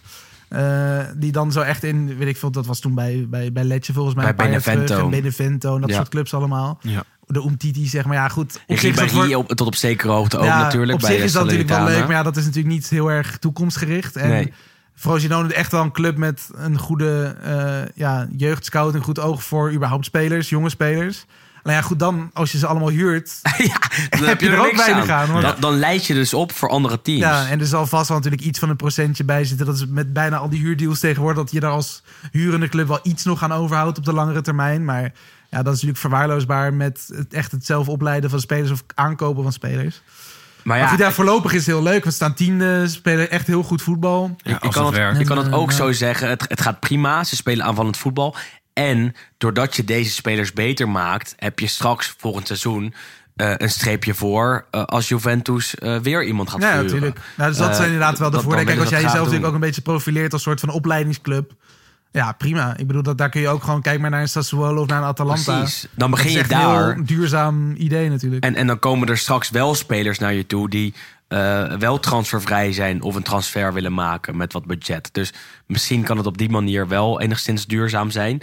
Eh, en wonder boven wonder presteren ze met eh, een trainer die overal is mislukt. En dat is dus best wel knap, Di Francesco. Plek 10 voor Frosinone, absoluut klap. Op plek 9 staat Monza. Monza wil naar plek 6, plek 7, wil zich kwalificeren voor Europa. ehm, staan ze nu best wel dichtbij. Zijn ze daar dan blij met een, een negende plek na 13 speelrondes, Vin? Mm, nou ja, ze zullen geen gat in de lucht springen, maar het Nee. is wel gewoon een goede plek om te staan als Monza. Volgens mij staan zij elke podcast die we opnemen en we Monza spreken wel ongeveer in deze ja, regio. ja, absoluut. Weinig nieuws. Ja. Zeker. Nee, dat is Ja, goed, waar. het enige nieuws wat er afgelopen maand een beetje was, is dat, eh, nou goed, Berlusconi is natuurlijk al overleden, maar je hebt natuurlijk ook nog die andere oude rot, daar zit de Galliani. Ja. En je had ook in Italië had je een paar lokale verkiezingen, geloof ik. En hij is nu weer senator. Of Ja, absoluut. Oh, ja. van dat Ja, bestuur zeker, zit ja. in een, ook heb een soort politieke... Dus goed, ja, er was eventjes de angst dat ook hij uit de club zou stappen. Maar hij heeft gezegd, ja goed, hè, voetbal. Hij is Monza, precies. Voetbal is mijn schatje. Dus die, eh, nou, die, die, die gaat er nu een soort duo-baan doen. Maar die is dus ook ergens weer politiek eh, actief. Ongelooflijk. Nou? Ja, mooi. Kon het niet laten. En Colombo daar in de spits. Absoluut een eh, hele interessante naam. Terecht wat jij zei op WhatsApp. Dat het best gek is dat hij dan bij eh, Monza zit. Terwijl Milan, en daar komen we zo dan weer op, beroep moet doen op een eh, 15-jarige spits.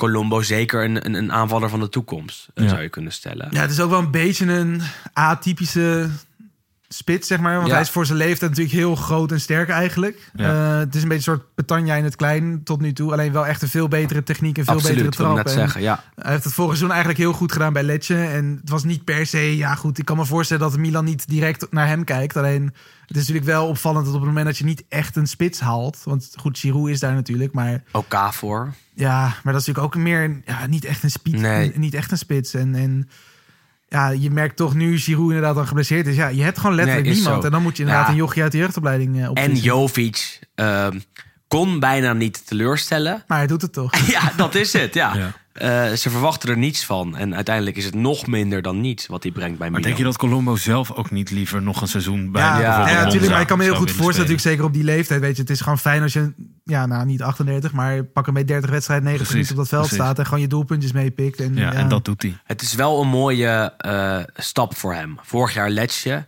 dit jaar Monza. Volgend jaar hopelijk voor hem een plekje op de bank bij Milan. Dus dat zijn wel stapjes die je wil zetten als Italiaanse spits. En eh, Ja. bij Monza krijgt hij wel speeltijd en hij doet het eh, hartstikke goed. Plek 9 dus voor, eh, voor hen. Plek 8, daar staat Bologna. Bologna is gewoon een hartstikke leuk team. Zirkzee bezig aan een hartstikke goed seizoen. Was ook afgelopen maand sterk. In die zin dat hij bij alle goals van Bologna tot eh, nu toe In betrokken alle was. wedstrijden, al die wedstrijden die Bologna heeft gespeeld. Ja, twee wedstrijden en twee goals. Eén doelpunt van Zirkzee en één eh, assist. Eh, ze spelen dus, zoals gezegd, nog op dit moment en wel tegen Torino. Dus bij Bologna gaan we niet heel lang stilstaan, zou ik, zou ik zeggen. Ondanks hun, hun prima seizoen bewaren we het merendeel van de onderwerpen bij hen voor de volgende podcast. Plek 7, Fiorentina. Eh, Fiorentina wil eigenlijk naar plek 5, misschien zelfs plek 4. Plek 7 misschien toch een beetje teleurstellend. Zeker als je kijkt naar de afgelopen serie die ze hebben neergezet. Want oké, ze eh, winnen dan wel van, eh, van Bologna, van concurrent Bologna kan je zeggen.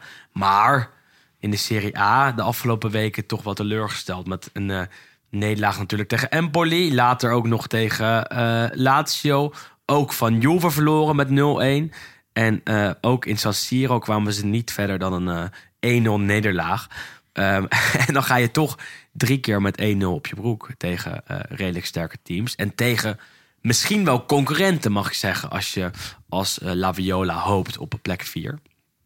Ja, goed, maar dat is natuurlijk sowieso wel iets te hoog gegrepen, toch? Met alle respect. Top 4 van Fiorentina? m- misschien praat ik ze ook wel naar top 4. In plaats van dat ze dat Ja, zelf kijk, hebben uitgesproken. dat het gewoon voor hen heel goed is dat ze nu in ieder geval de laatste paar jaren de relatief constant Europees voetbal halen. En ik denk dat dat voorlopig Ja, de max is. wij zijn natuurlijk eh, vijf jaar geleden begonnen met deze podcast. Toen stonden ze 18 op een gegeven moment. 18 of 19. Toen hadden ze een uh, salonremise nodig tegen Genoa, dacht ik, om, Om zich te 17e handhaven. te worden ja. Eh, dus eh, oké, misschien eh, mogen we niet kritisch Maar zijn. goed, ik denk ja, zeven. Europees voetbal is daar gewoon prima. En ja, dat je verliest van dan de ploegen boven. Ja, maar wel aan de andere jammer. kant, Ja. Op basis van het spel zelf ja, spelen ze wel hartstikke goed voetbal. Alleen, ja, het valt zeker in grote wedstrijden niet vaak hun kant op. Met goed voetbal alleen koop je niet. Nee. En eh, in San Siro is het toch jammer dat ze dan die, die goal niet weten te maken. Want ze verdienden een doelpunt tegen Milan. Uiteindelijk Ja. verliezen ze met 1-0. En dan sta je toch weer met lege handen. Weliswaar met complimenten, maar toch met nul punten. Dat zag je ook tegen Juve. Al wil ik daar wel even over zeggen dat er bij de wedstrijd heel veel kritiek was op het spel van Juve. Waaronder van, eh, van mijzelf. En op dit moment dus ook. Eh, eh, maar dat Fiorentina ook echt niets Niks creëerde. Ja, Alleen maar voorzetten gegeven. ja, en van afstand schieten. Maar Ja. goed. Volgens mij hadden ze meer dan 60% balbezit. Of zelfs 70%. En een En wel expected goals wat lager lag dan die van Juve. Ja, ze hadden volgens mij wel 20 schoten, maar Ja. alles bij elkaar nog eens 0,5 dus dan kan je ook zeggen, ja, dan heb je wel de hele tijd de bal gehad. Dan heb je wel veel Maar je doet er geschoten. ook niks mee. Dat is natuurlijk ook wel een klein beetje het issue van Fiorentina. Dat ze niet echt een lekkere spits hebben die er gewoon iedere wedstrijd even eentje inschiet. Na Vlaovic al niet meer. Nee. Nee, dus, dus, en dat merk je dus in dit soort potjes. Want ja, ze hadden kunnen scoren tegen Lazio. Ja, ze hadden kunnen scoren tegen, Fiorenti tegen Juve, Juventus. En ja, ze hadden kunnen scoren tegen, eh, tegen Milan. Maar nee, ze scoorden nul keer. Nou, dus, eh, ja, goed, en die wedstrijd toen tegen keer. Juve werd natuurlijk nog een klein beetje ja, overspoeld letterlijk door de overstromingen daar. Ja, Ehm, natuurlijk heel Toscane eigenlijk geraakt. Dus er waren meerdere ploegen, ook vooral op jeugdniveau en eh, of wat meer provinciaal niveau, die ook natuurlijk te maken hadden met, dat water, met die wateroverlast daar. Ook eh, een hoop mensen natuurlijk hun huizen verloren en, eh, en andere slachtoffers. Biragi hielp, hè? Ja, en dat is natuurlijk dan wel weer mooi. Ja, ik denk dat Biragi ook wel een van de meest karaktervolle koppen heeft van de Serie. Maar ook gewoon een van de, ja, de kleinste hartjes. Want het speelt nog steeds ja. met die aanvoerdersband van David Astori... die natuurlijk een paar jaar terug is overleden.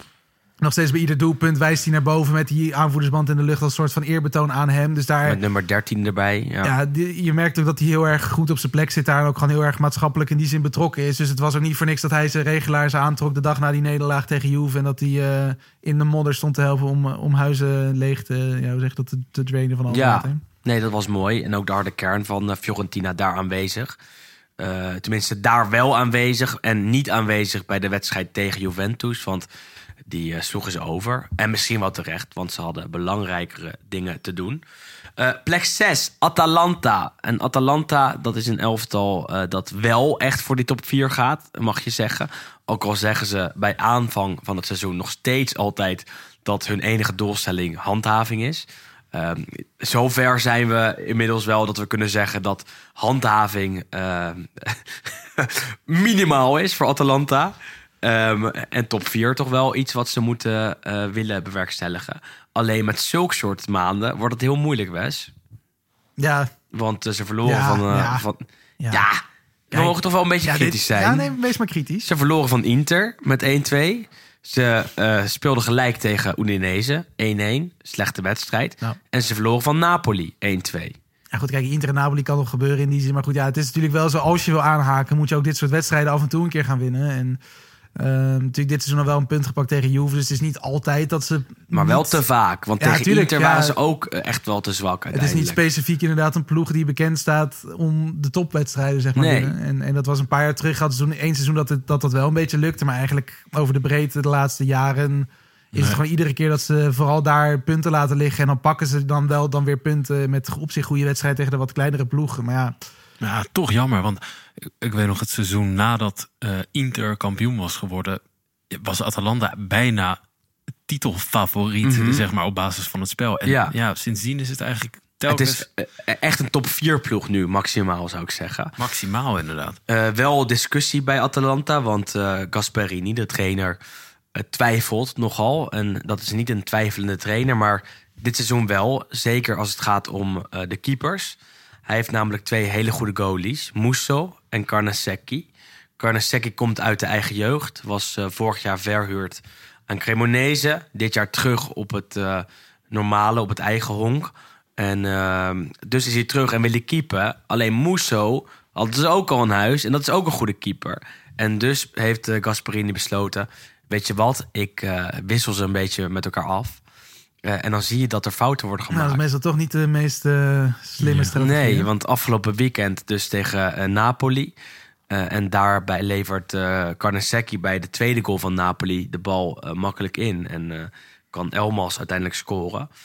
Zijn jullie fan van zo'n zo'n manier om toch een beetje keepers met elkaar af te wisselen? Het, Of- voelt, het voelt moet een beetje, kiezen? het voelt een beetje career mode op FIFA, toch? Dat Ja. je gewoon een veel te brede selectie hebt... en dat je gewoon de hele selectie elke wedstrijd Absoluut, vervangt, ja. zeg maar, zodat al je spelers blij blijven. Ja. Ehm, maar ja, goed, wat, ja, het is niet echt een hele succesvolle... Je hebt een paar andere ploegen natuurlijk. Ja, vorig jaar was het natuurlijk met Inter... dat ze Handanovic en Onana in het begin uitprobeerden. Maar dat was uit angst na de blunder van Radu tegen Bologna. Ja, natuurlijk. Maar ik bedoel, dat zijn wel van die Ja. dingen... Je zag daar ook dat beide Juve, keepers werden er niet specifiek toe. beter van. Juve af en toe met Perin, maar Ja, Perin dat was is dan ook wel vaker goed. omdat Chesney ook geblesseerd Ja, oké, ja, ja, ja. Maar ja, Ja, ook Buffon is een tijdje mee geweest. Ik vind het altijd wel sympathiek als er inderdaad een tweede keeper dan eh, of Europees of in de beker Ja, ja, mag opdraven. Maar ja, ik denk dat het team er altijd wel baat bij heeft om gewoon één keeper te hebben. Nee, exact. Weet je wel? Eh, ik, ik ben het ermee eens. En daarom was er nu ook weer heel veel discussie in de Italiaanse pers.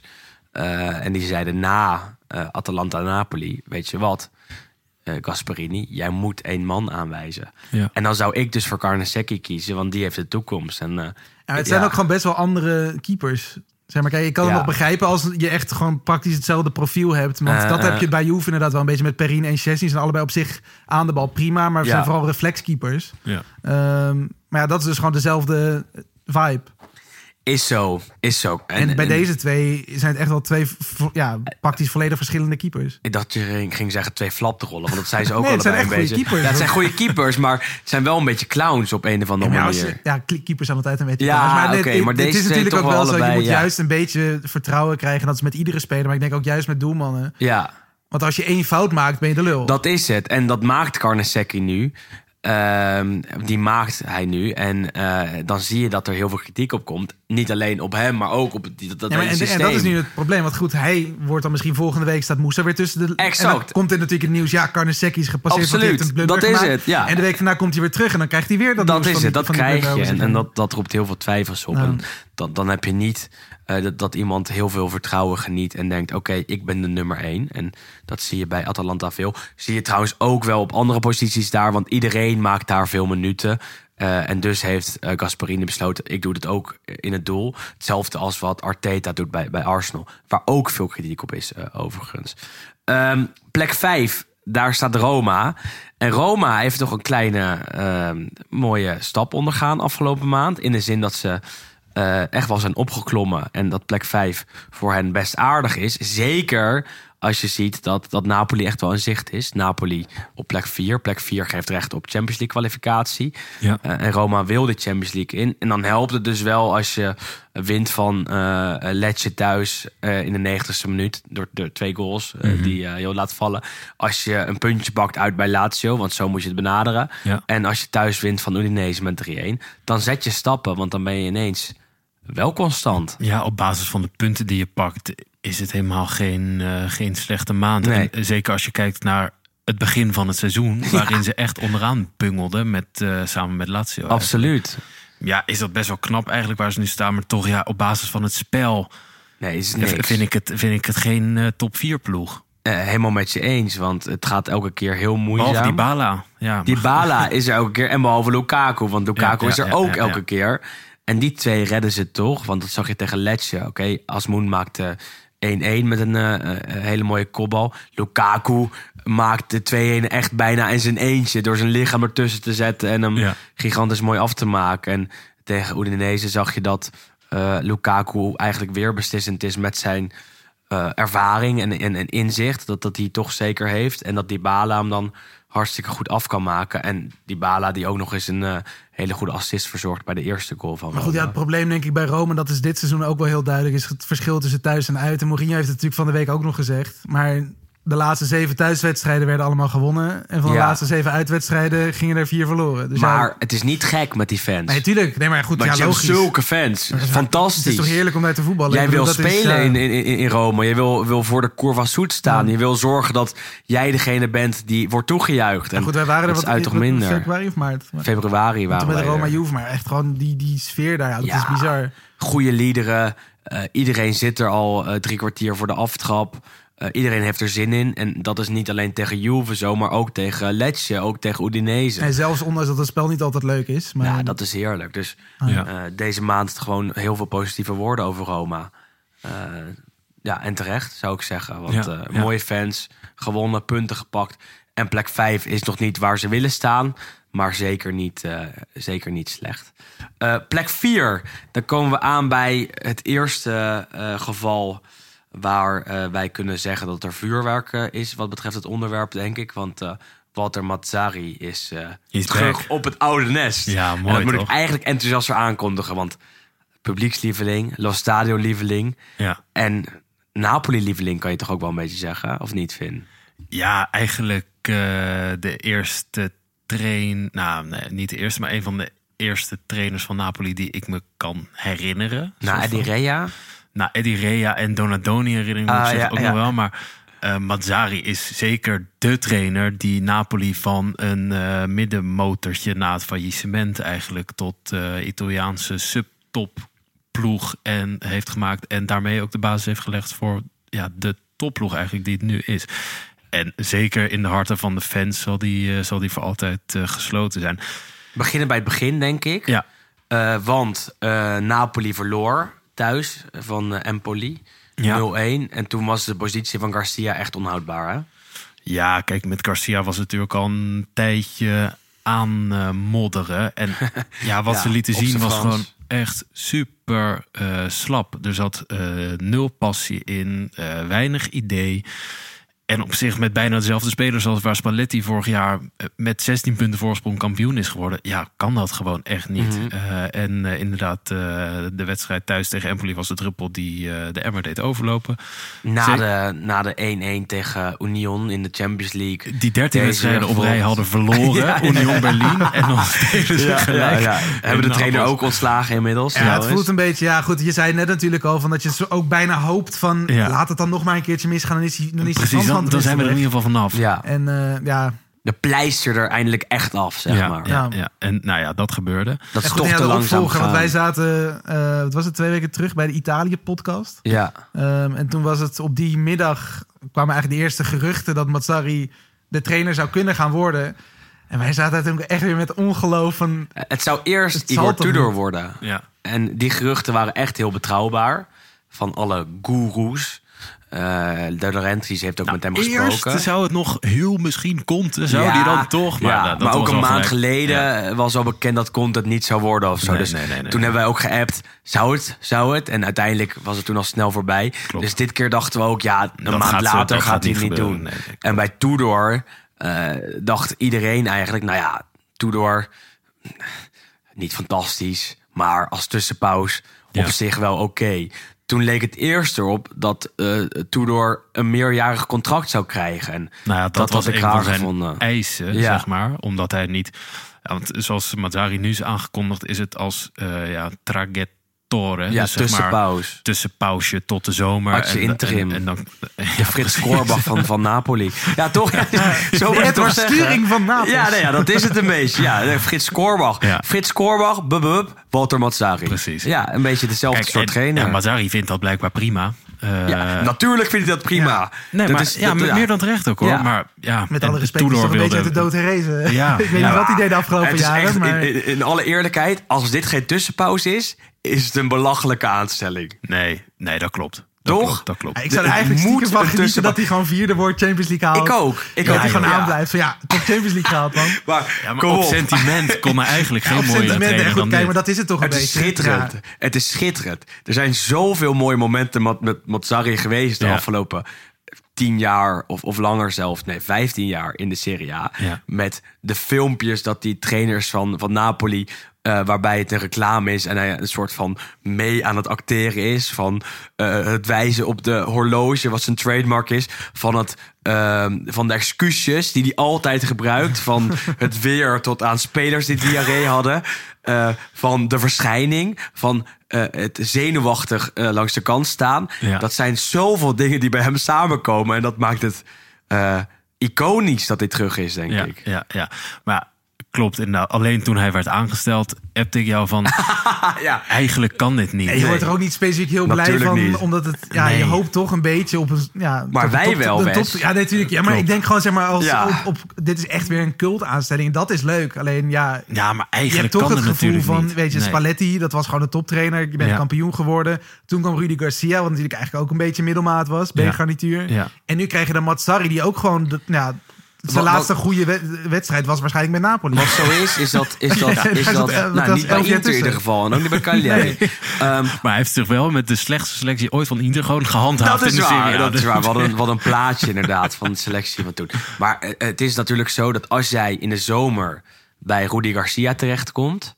en je moet hem ontslaan omdat het echt niet meer gaat... dan kom je niet opeens wel bij Antonio Nee, Conte tuurlijk. terecht. Ik bedoel, dan kom je wel in- bij, kom je wel bij, Ja. bij de Eddie Rea's, bij de, de Beppe Jacquinis... bij de Walter Mazzaris Mhm. terecht. En niet eh, bij, bij, bij de absolute toptrainer. Nee, dat kan. vies, vies vijvertje te vissen. Precies. je En, en- begint. ja, Eh, dat, dat komt pas. eh eh, weer een vies vijvertje te wissen. Ja, ja, ja, ja, maar dat is zo, ja. Ik bedoel, je zou het toch verwachten. En dat is natuurlijk ook wel een beetje het probleem, denk ik, geweest van überhaupt de Italiaanse topclubs de laatste jaren. Dat ze gewoon zeg maar, op het hoogtepunt niet echt doorpakken. Of Ja. toch net verschillende, ja, verkeerde beslissingen maken. Misschien Juve dat natuurlijk heel veel- lang op rij kampioen was geworden. Die dachten, nou, we gaan het over een andere boeg gooien. We gaan mooi voetballen. Nou, Ja. mislukt.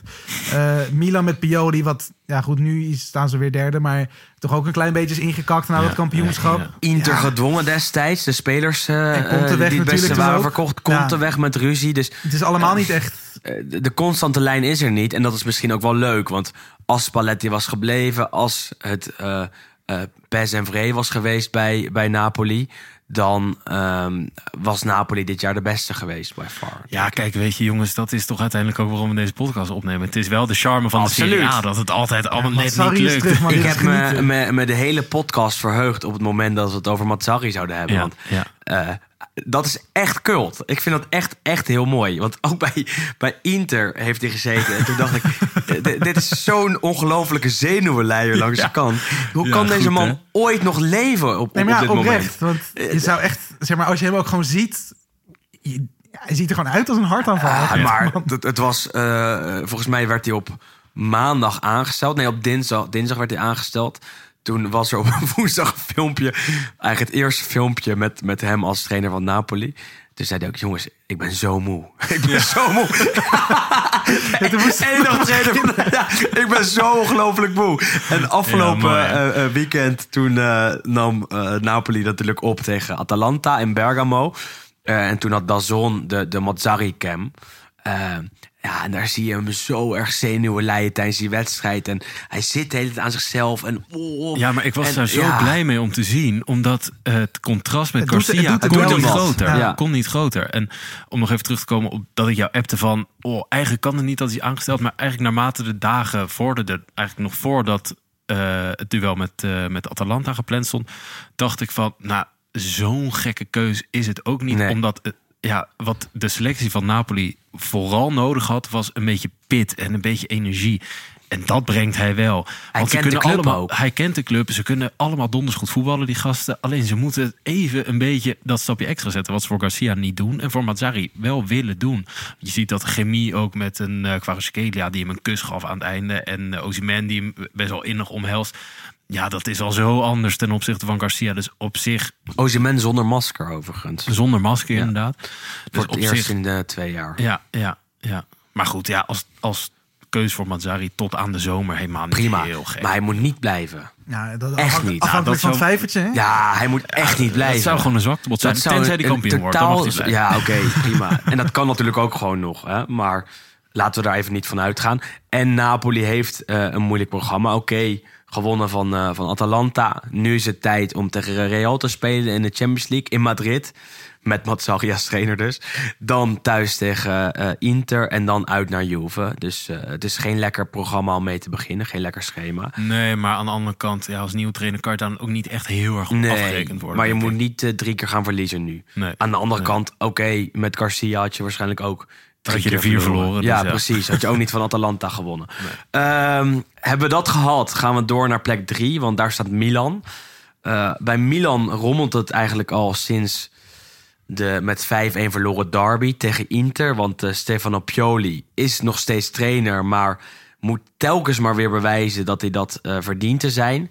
Want de ene keer winnen ze van Paris Saint-Germain.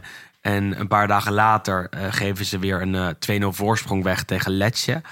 Ehm, is het terecht dat hij nog steeds trainer van Milan is? Mm, nou, ook, ook daar zou ik bijna zeggen, het zou wel een nieuwe impuls betekenen als we het een keer over een andere Ja. boeg gooien. Vorige podcast hadden we nog een beetje over nou, wie, wie van Garcia of Pioli het eerst eruit zou gaan. Garcia dus. Dat is Garcia geworden, maar ja, toch, ja, het is er wel echt een beetje uit hoor met Pioli. Ja, zeker, zeker. Het, eh, het schommelt zo erg. Het is niet constant bij Milan. En, en wat ik net ook zeg, de ene week is oké, de andere week slecht. En eigenlijk is het de afgelopen paar weken eh, eigenlijk alleen maar slecht. Ehm, eh, ze winnen van Fiorentina, maar dat is vooral door een hele goede Magnan. Eh, ze spelen gelijk tegen, tegen Lecce. En dat is gewoon heel erg slecht. Zeker als je 2-0 voor hebt gestaan winst op PSG dan weer is wat eh, eh, enorm spectaculair is. Is wat hartstikke goed is. Eh, dus het is zo gek hoe dat dan gaat. Want blijkbaar kunnen die spelers zich wel opladen voor een alles of niets Champions League duel met PSG. Maar lukt het toch niet om dat te doen tegen Lecce of tegen, tegen Fiorentina. Cruciaal hè, het treffen met Dortmund deze week. Het schijnt dat als dat niet wordt gewonnen dat, dat er misschien wel een einde is aan eh, de tijd van Pioli bij, bij Milan. Maar Ja. No, no, kies Voor de volgende terugblik. Kies ja, voor de volgende terugblik. Hier nog even kijken naar de eh, jongste debutant ooit. Francesco Camarda. 15 jaar en 260 dagen. Nou, ik... 2008! Ik voelde, voetbalde toen niet eh, op niveau, maar ik denk dat ik, ja, ik zat waarschijnlijk in de Albert Heijn uh, zo zei ze broodje te eten. Ja, frikandelbroodje. Met een boeletje. Heerlijk.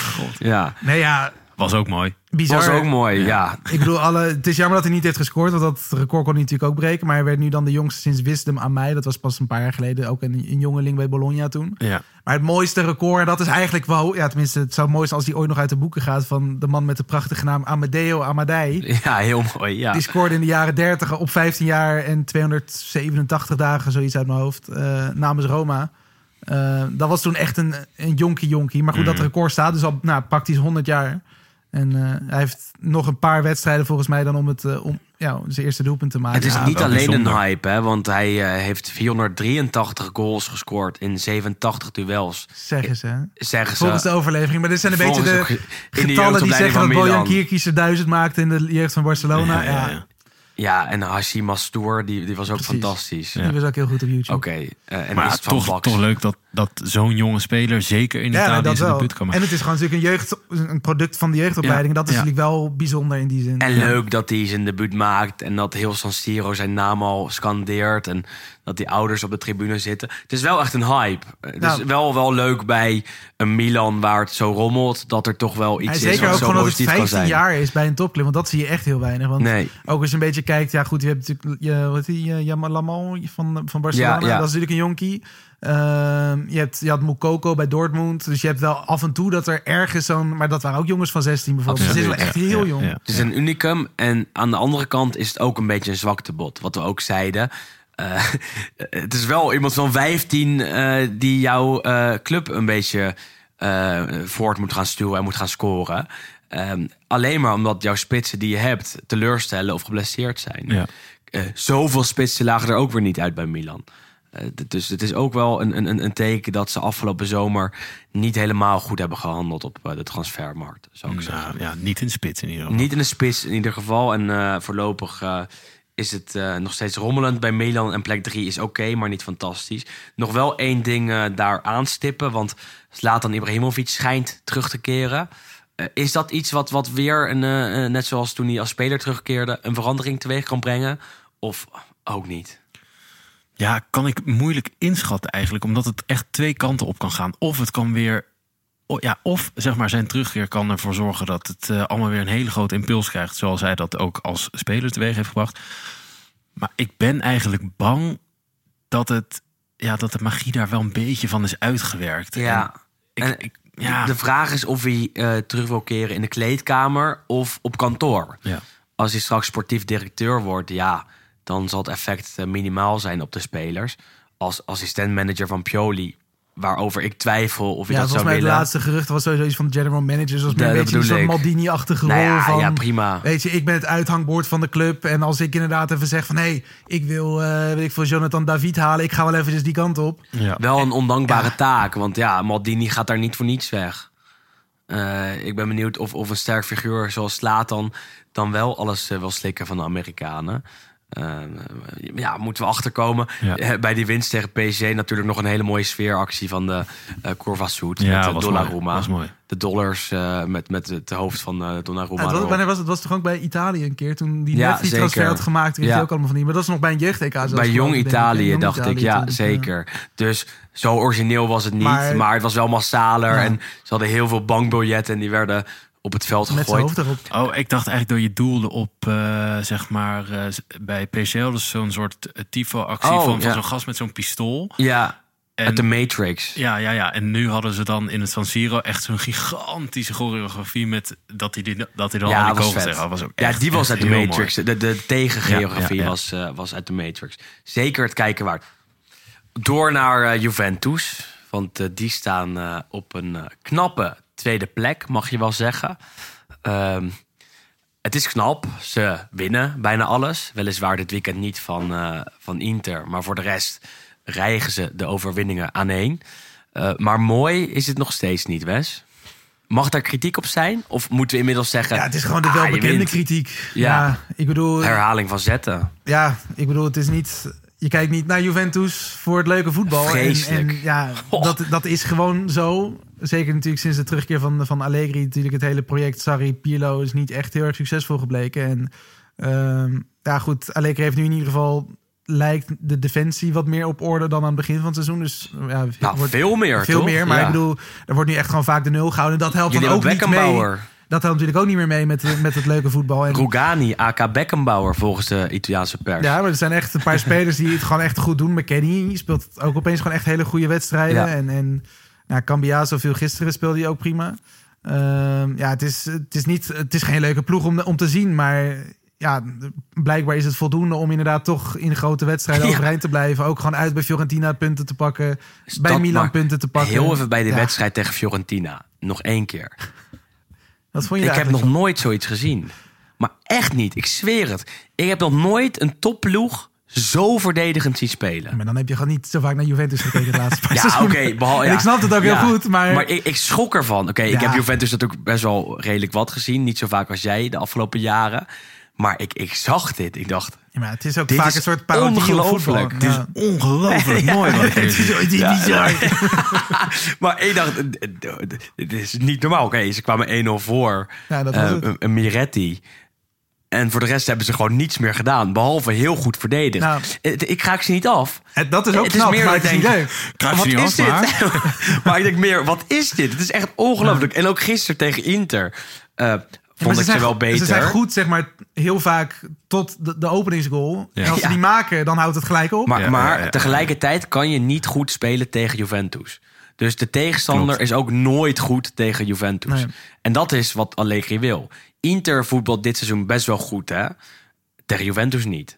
Geen, Ja. Echt weinig goede aanvallen Ja, gehad. De enige goede ik- aanval was de goal. Ja, het was inderdaad vanaf het moment dat Juve er op 1-0 voorsprong kwam. Dan zakken ze altijd terug. En toen had Inter even een moment dat ze dachten... oké, nu kunnen wij even. Uh-huh. En toen scoorden ze. Toen was het eigenlijk ook Voor de klaar. Rest. die tweede helft was... Het was niks. omdat ze allebei, allebei bang waren om te verliezen. Ja. Eh, en Juventus is dat eigenlijk altijd. En, en Inter eh, in Turijn eh, ook. En dat begrijp ik wel. Ja, goed, op zich was dit natuurlijk voor beide teams denk ik wel het Zeker. prima. Het was een soort onafgesproken salonremise. Dat is het, want Juve gaat ervan uit dat Inter punten verspeelt tegen de kleintjes.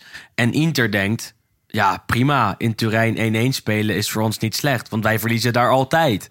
Eh, en dit keer dus niet, want het werd, eh, werd 1-1. Ehm, maar, maar, maar toch eh, ga ik dan naar bed met de gedachte... Chiesa plus Vlaovic zouden echt veel beter zijn in een aanvallend team. Nou, Want nou goed, de ze waren nu nog kwaliteit gisteren er met z'n tweeën waren ze goed. En, Oh, en, wel zit ja, inderdaad niet slecht. Vlaovic scoorde op Chiesa. Maar nog beter. Ja, het is, kijk, dat was denk ik ook wel hetgene wat je zag met Italië.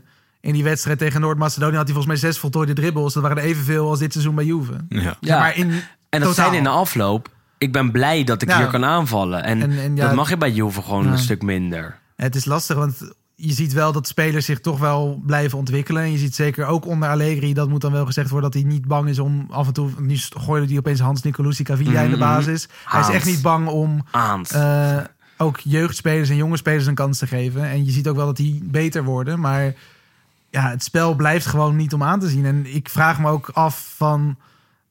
Wordt het ooit nog beter? Wordt het iets? Want Ja, ja, want het- ook een luisteraarsvraag nu volgens mij van... moet Allegri aanblijven? Want het is gewoon echt zo slecht. Maar ja, Het enige wat telt bij Juve is winnen. ja Nogmaals, als hij kampioen wordt en hij speelt zo, is er niks aan de hand. Als hij straks alsnog derde wordt met dit spel, ja, dan is het klaar. Nou, dan denk ik Dat is niet. het risico. Nee, Champions League. Hij- Hij, blijft gewoon Ja, net dat zo is lang. prima toch als hij derde wordt uiteindelijk. Hij gaat weg als hij weg wil. Dat is natuurlijk ook gewoon Ja, een beetje de oké, situatie dat die is hij waar. nu gecreëerd heeft. En ik denk dat je als je nu Champions League voetbal Oké, haalt, echt derde, laten dan we zeggen vijfde dan. Maar je snapt wat ik bedoel. Ja. Ja. Ehm, je moet, ook- je moet ja. presteren met dit spel. Eh, Ja, eh, dat- dat je, wel, je krijgt ja. geen complimenten, je, je, fans zijn niet tevreden.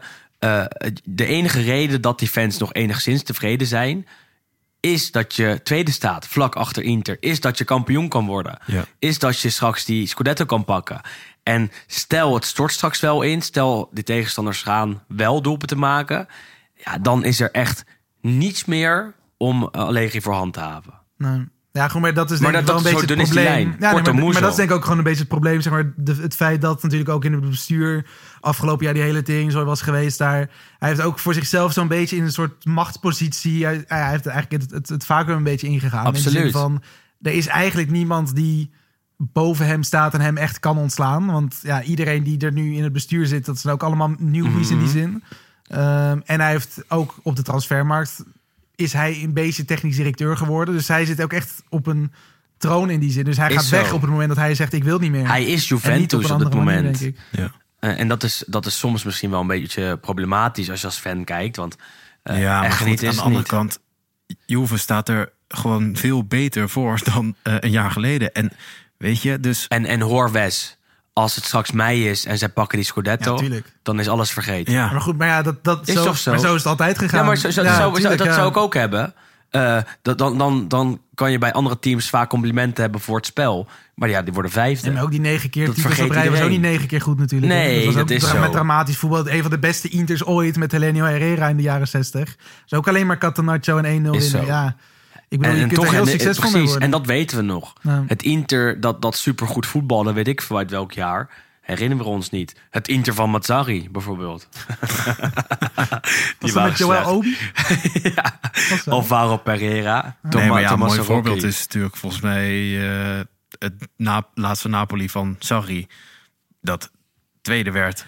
Exact. Ja, die hebben geen fuck gewonnen in, Nee. de, in de jaren onder Sarri. En Juve telkens maar ja, kampioen. met Zo is het. En, en wij, wij weten dat elftal nog. Wij kennen dat elftal nog. Ja. Maar over twintig jaar, ja, Precies. god, eh, het was een Napoli dat tweede werd. Ja, ja. Eh, weliswaar met heel veel punten ook. Ehm Juve even gehad, Inter ook al benoemd. Bij Inter nog wel even zeggen dat eh, de goal van het seizoen van eh, zwart-blauwe makelei is. Makelei mag je Dat zou ik zeggen. wel zeggen. Want eh, Federico De Marco maakte eh, een fantastische goal tegen Frosinone van 56 meter. Ik zat hier en ik sprong van de bank af. Ehm, bewust of onbewust? Mm, hoe vaker ik hem keek, hoe minder bewust ik dacht dat hij was. En dus ook hoe minder mooi. Vind ik echt. Ja, nee, ja, tuurlijk. Als je tuurlijk. het echt gewoon compleet verkeerd raakt, is het natuurlijk een minder mooie goal in die zin. Ja. Exact. Hij beweert zelf bij hoog en bij laag. Ik zag de keeper voor het doel Ja, staan. dat zou ik ook doen, tuurlijk. ik deed het expres. Ja, het is een beetje dubbel, want hij heeft zo'n goede trap. En hij heeft maar vaker dit soort dingen, niet specifiek nu bij Inter, maar ook gewoon in het verleden bij de jeugdelftallen van Italië, waar hij ook op een keer op een jeugd-EK heeft volgens mij zes keer gescoord of zo. Ook uit directe vrije trap. Die schiet ze vanuit alle hoeken. Namens, dus hij heeft ja, de trap. namens Dus- Parma tegen Inter, Ja. notabene in San Siro. Dus het is een niet wereldgoal dat het- gemaakt. Dit jaar nog tegen Empoli. Nou, Hij heeft zou de niet trap, verrassend zijn als hij maar, het had gezien, Maar kijk maar naar de ja. goal en hij, hij, hij eh, valt een beetje.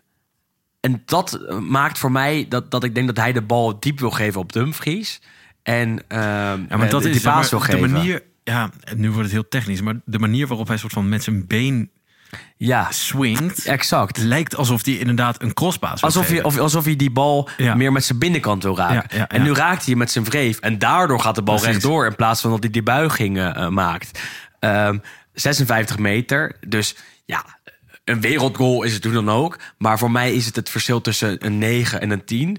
Eh, of hij het bewust deed of niet. Ja. dus komen we er niet uit. En dus is het een 9,5. Want hij zegt zelf dat hij het bewust deed. Teamgenoot Mkhitaryan zegt... Nee, ben je gek joh, sowieso niet. Ehm, ja, nou ja, het is toch best leuk. Bij Inter... Oh, jouw microfoon... eh, nee, die, is- die is weer goed. Eh, dat is eigenlijk alles bij, eh, bij Inter, zou ik zeggen. Eh, verder daar een, eh, een, een aardige maand geweest. Want ja, voor Inter is En een... ze eh, staan er bovenaan, hè? Ik bedoel... ze staan bovenaan. Ze zijn door in de Champions League. En 1-1 bij Juve is niet gek. Een zegen bij Atalanta al helemaal niet.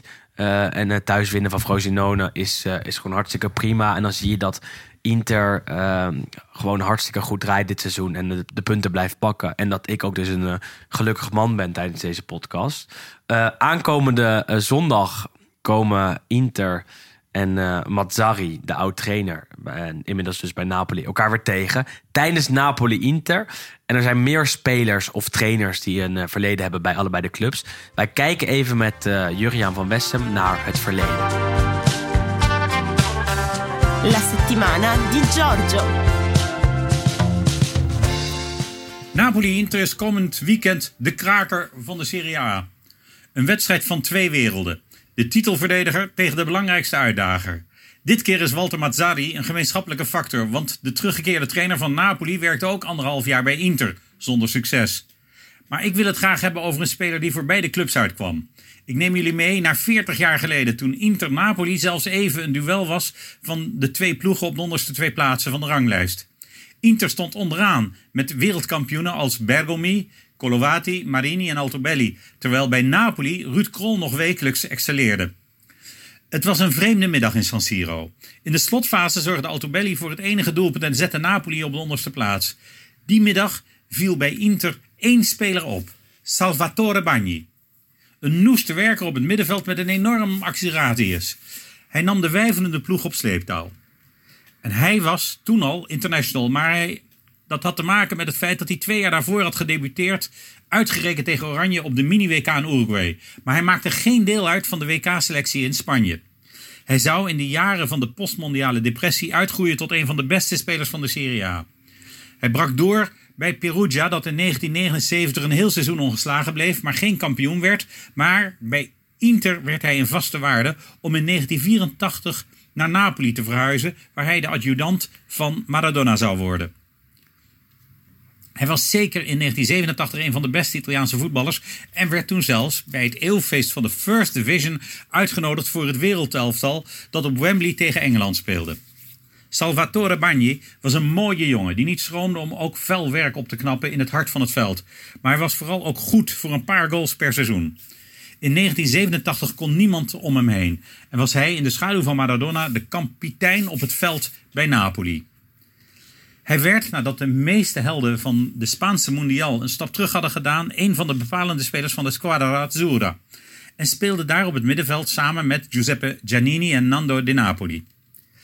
Maar nadat Italië zich had geplaatst voor Euro 88, waar hij was voorbestemd om te schitteren, raakte hij zijn plaats in de ploeg kwijt aan Carlo Ancelotti. Hij ging niet eens mee naar West-Duitsland en raakte op een zijspoor. Ongeveer tegelijkertijd werd hij afgeserveerd bij Napoli, waar hij zeker een van de dragende krachten was bij het winnen van de eerste Scudetto. Door een ineenstorting van de blauwe ploeg in de slotfase van het volgende seizoen kwam er een bruske einde aan zijn tijd in Napels. Hij zou een opstand tegen trainer Ottavio Bianchi hebben opgezet, samen met doelman Claudio Garella, topscorer Bruno Giordano en natuurlijk Diego Maradona. De Argentijnse sperspeler kon natuurlijk niet worden aangepakt, dus werden de andere drie spelers pardoes aan de kant gezet. Napoli verkocht Bagni en Avellino, dat net naar de Serie B was gedegradeerd. Hij zou binnen één jaar zijn actieve loopbaan afsluiten, dus slechts twee jaar nadat hij als een held was onthaald op Wembley. Dat was best verdacht en daarna raakte hij betrokken bij een macabere afpersingszaak. Zijn naam viel toen een spijt op tand bij een maffiaproces verklaarde dat Napoli in 1988 de Scudetto had weggegeven omdat de Camorra anders failliet zou zijn gegaan als gevolg van verplichtingen bij illegale weddenschappen. Een voorsprong van vijf punten verdween als sneeuw voor de zon. Waarom verdween Barney zo snel daarna van het toneel? Zijn vertrek bij Inter was wellicht nog opmerkelijker. Hij maakte 40 jaar geleden een winnende goal in de slotwedstrijd bij Genoa Inter. Het werd 2-3. Maar zijn ploeggenoten waren niet blij en feliciteerden hem niet eens na zijn treffer, maar keken hem verwijtend aan. Bestuursleden van de thuisploeg spraken in de catacombe woedend over hoogverraad. De bond deed onderzoek, maar nooit werd duidelijk of Banje een afgesproken salonremise had verwoest.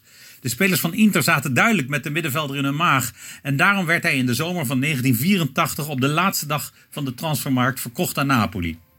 Banje heeft ook altijd over deze kwestie gezwegen.